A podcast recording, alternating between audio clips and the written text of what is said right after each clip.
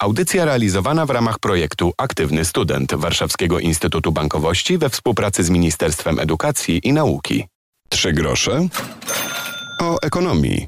Dzień dobry, Piotr Topoliński. Z nami jest dziś Anna Kwaśnik, ekspertka w dziale budowania świadomości cyberbezpieczeństwa w Państwowym Instytucie Badawczym NASK. Dzień dobry, cześć. Dzień dobry. Rozmawiać będziemy o cyberbezpieczeństwie i o tym budowaniu świadomości cyberbezpieczeństwa. Zacznę jednak od takiego pytania: na ile ten temat jest ważny w kontekście naszych pieniędzy? Myślę, że cyberbezpieczeństwo i nasze pieniądze to jest e, bardzo, bardzo do siebie podobny temat i, i, i bardzo się ze sobą łączy. Gdy mówimy o naszym cyberbezpieczeństwie, musimy pamiętać, że od niego właśnie zależą w dużym stopniu też nasze pieniądze. Dlatego będziemy dzisiaj mówić o takich przypadkach, które niestety pojawiają się w sieci. Mam, na, mam wrażenie, że jest ich niestety coraz więcej i co więcej, dają się y, na to nabierać, może to jest złe słowo, y, ludzie dorośli. Stąd wasz poradnik dla osób, które y, z internetu korzystają w sposób różny. No i też im trzeba wyjaśnić kilka rzeczy. Internetowe lowe, jak zadbać o swoje cyberbezpieczeństwo w relacjach online. Tak nazywa się wasz poradnik. Gdy mówimy o naszym cyberbezpieczeństwie i o różnych rodzajach oszustw, na jakie możemy się natknąć, musimy pamiętać, że większość z nich opiera się właśnie na naszych uczuciach, na naszych emocjach i stąd też zahaczyliśmy o te najgłębsze emocje, te najsilniejsze, czyli wszystkie te zagrożenia, które wiążą się z miłością, które wiążą się ze zdobywaniem nowych relacji, z budowaniem zaufania przez internet. Stąd pomysł na taki poradnik i na kilkudziesięciu stronach podajecie przykłady, jakie się w sieci pojawiają. Pierwszy, lepszy, to oszustwo na amerykańskiego żołnierza. Niektórzy internauci mogą w social mediach się śmiać. Trochę czasem się pojawia historia o jakimś księciu z dalekiego kraju. Okazuje się, że to jednak jest zagrożenie. Niestety jest to zagrożenie i jak pokazują liczne badania, ofiarami może zostać każdy z nas.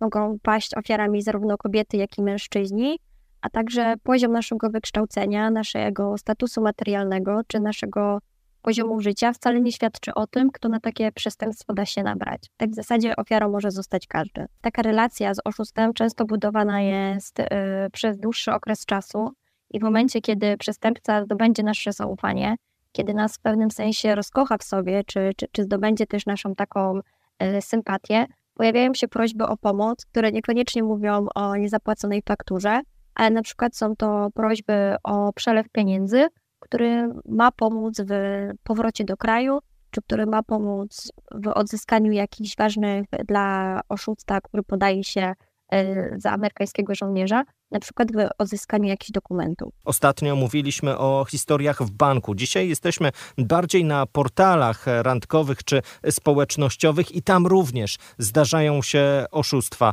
Jakie są to przykłady? Bo mnie do głowy przychodzą tylko jakieś fejkowe profile, które wyglądają czasem bardzo legitnie. Myślę, że największym problemem jest to, że osoby, które szukają swojej drugiej połówki w sieci, czy które nawiązują relacje w sieci, często nie pamiętają o tym, że tak naprawdę nigdy nie możemy mieć pewności, kto jest po drugiej stronie i czy rzeczywiście ten profil jest e, prawdziwy, czy też fałszywy. I gdy szukamy swojego wymarzonego partnera, czy swojej wymarzonej partnerki, często zapominamy o tych podstawowych zasadach bezpieczeństwa. Niestety na portalach społecznościowych czy aplikacjach randkowych możemy natrafić na profile osób, które będą chciały nas oszukać, które będą chciały wyłudzić od nas nasze pieniądze, czy wyłudzić nasze dane. I może to być tak, że poznajemy kogoś na portalu randkowym, wymieniamy z nim kilka wiadomości i gdzieś pojawia się propozycja na przykład zainwestowania naszych pieniędzy, e, żebyśmy kupili jakieś kryptowaluty czy jakiekolwiek inne inwestycje, a my za, zauroczeni naszym rozmówcą, zauroczeni naszym być może e, nowym partnerem, rzeczywiście darzymy go zaufaniem i niestety zgadzamy się na, na przekazanie pieniędzy, które teoretycznie mogą nam się rozmnożyć, a później, jak się okazuje, po przesłaniu naszych pieniędzy, przeważnie rozmówca znika. To jest też czerwona lampka dla nas, gdy ktoś prosi o ściągnięcie aplikacji albo podanie swojego loginu i hasła. No, może brzmieć to naiwnie, ale mówimy o prawdziwych historiach. Niestety zdarza się, że zauroczeni naszym właśnie rozmówcą rzeczywiście darzymy go zaufaniem i wierzymy w to, co mówi. I rzeczywiście prośby o podanie hasła czy loginu, e, czy to do naszej poczty e-mailowej, czy do jakiegokolwiek innego konta, w tym konta bankowego, Rzeczywiście zdarza się tak, że gdzieś nieświadomi e, różnego rodzaju przestępstw zgadzamy się na to i rzeczywiście e, takie dane udostępniamy, co w konsekwencji może prawdopodobnie skończyć się tym, że utracimy oszczędności naszego życia. To zapiszmy sobie w naszych słownikach nowe hasło sextortion. To właśnie to, wykorzystanie tej znajomości, czy wymuszanie później pieniędzy? To dość nowe przestępstwo, które jeszcze nie jest zdefiniowane w naszym kodeksie karnym, ale jest to nic innego jak szantaż i wymuszenia związane z materiałami intymnymi. Często zdarza się tak, że poznając kogoś w sieci, czy nawet będąc z kimś w relacji, przesyłamy mu swoje prywatne, intymne zdjęcia, a niestety osoba, która jest po drugiej stronie, wykorzystuje je później przeciwko nam i grozi, że jeśli nie prześlemy określonej sumy pieniędzy, jeśli nie spełnimy jego żądań, nasze prywatne, intymne materiały trafią do sieci. Niektórzy też mogli dostać e, takie podejrzane maile mm, o treści: Wiemy, co przeglądałeś w internecie. E, jeśli nam nie zapłacisz ułamka bitcoina, to wszystko to zostanie podesłane Twoim znajomym, Twojemu szefowi i tak dalej. To również jest forma spamu i to również jest zagrożenie. Czymś e, podobnym jest też, o, czym piszecie na stronach swojego poradnika, zagrożenie revenge porn. Revenge porn e, jest dość nowym zjawiskiem, ale niestety stale zyskuje na popularności i jak rozmawiamy chociażby z Centralnym Biurem Zwalczania Cyberprzestępczości, czy z jakimikolwiek innymi instytucjami, które wspierają też osoby, które doświadczyły tego rodzaju przemocy, rzeczywiście pojawia się ono bardzo często.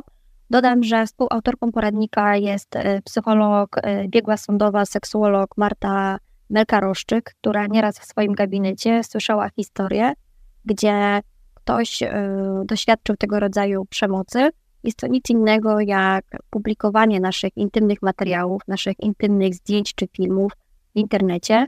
I często niestety robią to osoby, z którymi kiedyś byliśmy w relacji, z którymi kiedyś byliśmy w związku, a teraz wskutek rozstania czy jakiegoś innego zdarzenia osoby te grożą nam opublikowaniem takich materiałów w sieci, jeśli nie spełnimy ich żądań, jeśli nie spełnimy ich oczekiwań. A co zrobić, gdy do takiej sytuacji jednak dojdzie, bo ludzie są różni? Przede wszystkim pamiętajmy o tym, aby w tej trudnej sytuacji nie być samym i aby porozmawiać e, o tym wszystkim, co nas dotknęło z osobą bliską, ponieważ my e, w takiej sytuacji możemy czuć się nie tylko bardzo bezsilni i bezradni, ale także też możemy czuć się oszukani i wykorzystani i nie zawsze możemy myśleć racjonalnie.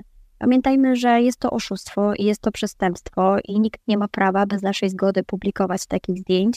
Jeśli ktokolwiek z nas doświadczy takiej sytuacji, warto zgłosić tę sprawę na policję, żeby osoba, która dokonała tego rodzaju przestępstwa, rzeczywiście została ukarana. Prawo stoi po naszej stronie i te sytuacje są opisane w kodeksach i możemy wykorzystać e, prawo, które no, dotyczy bardzo nas i naszego bezpieczeństwa. Pamiętajmy też o różnego rodzaju przepisach prawa, które chronią nasz wizerunek i pamiętajmy, że nikt nie może publikować naszych zdjęć bez naszej zgody, nikt nie może publikować naszych materiałów, jeśli się na to nie zgodzimy.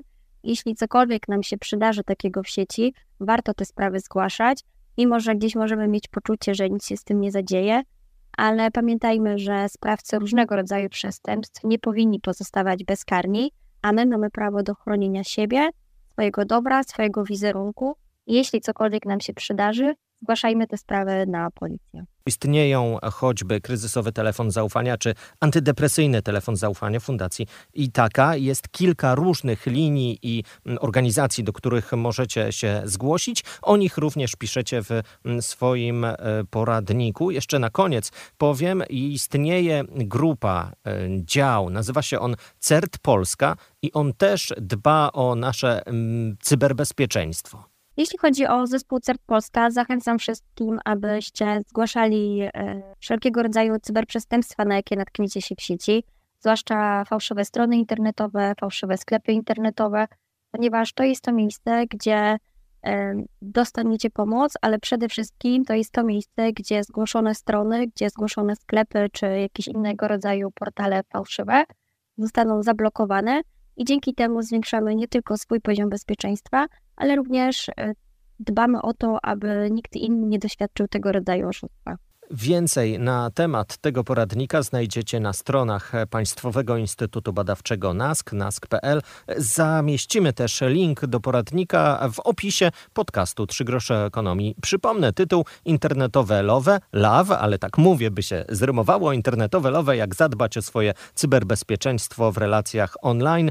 To poradnik, którego autorkami są dr Marta Melka-Roszczyk, psycholożka, a także Anna Kwaśnik z działu budowania świadomości cyberbezpieczeństwa w Państwowym Instytucie Badawczym NASK, nasza dzisiejsza ekspertka. Dziękuję za to spotkanie, za tę rozmowę. Dziękuję. Piotr Topoliński również dziękuję. Do usłyszenia. Przypomnę, że więcej o cyberbezpieczeństwie mówimy regularnie w audycji Trzy grosze o ekonomii. Kogo ten temat interesuje, zachęcam do obserwowania naszego podcastu. Tam poprzednie rozmowy i tam kolejne nasze spotkania. Zdradzę, że w przyszłym tygodniu również o cyberbezpieczeństwie i o bankowości będziemy mówili, bo trwa Europejski Miesiąc Cyberbezpieczeństwa. Do usłyszenia.